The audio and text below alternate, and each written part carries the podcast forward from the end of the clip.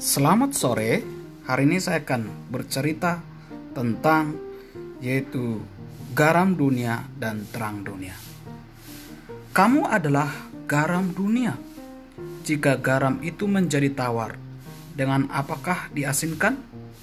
Tidak ada lagi gunanya selain dibuang dan diinjak orang.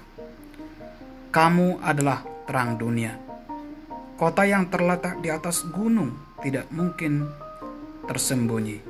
Lagi pula orang tidak menyalakan pelita lalu meletakkannya di bawah gantang, melainkan di atas kaki Dian sehingga menerangi semua orang di dalam rumah itu.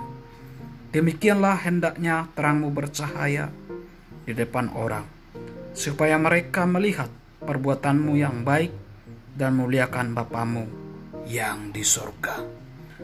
Pemirsa, inilah cerita hari ini yang kita dengarkan bahwa kita adalah terang dunia dan garam dunia. Oleh sebab itu, marilah kita menjadi garam yang baik, garam dunia yang selalu memberikan yaitu hal-hal yang terbaik yang memberkati orang lain.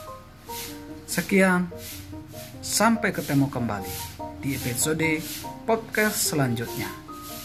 Dah.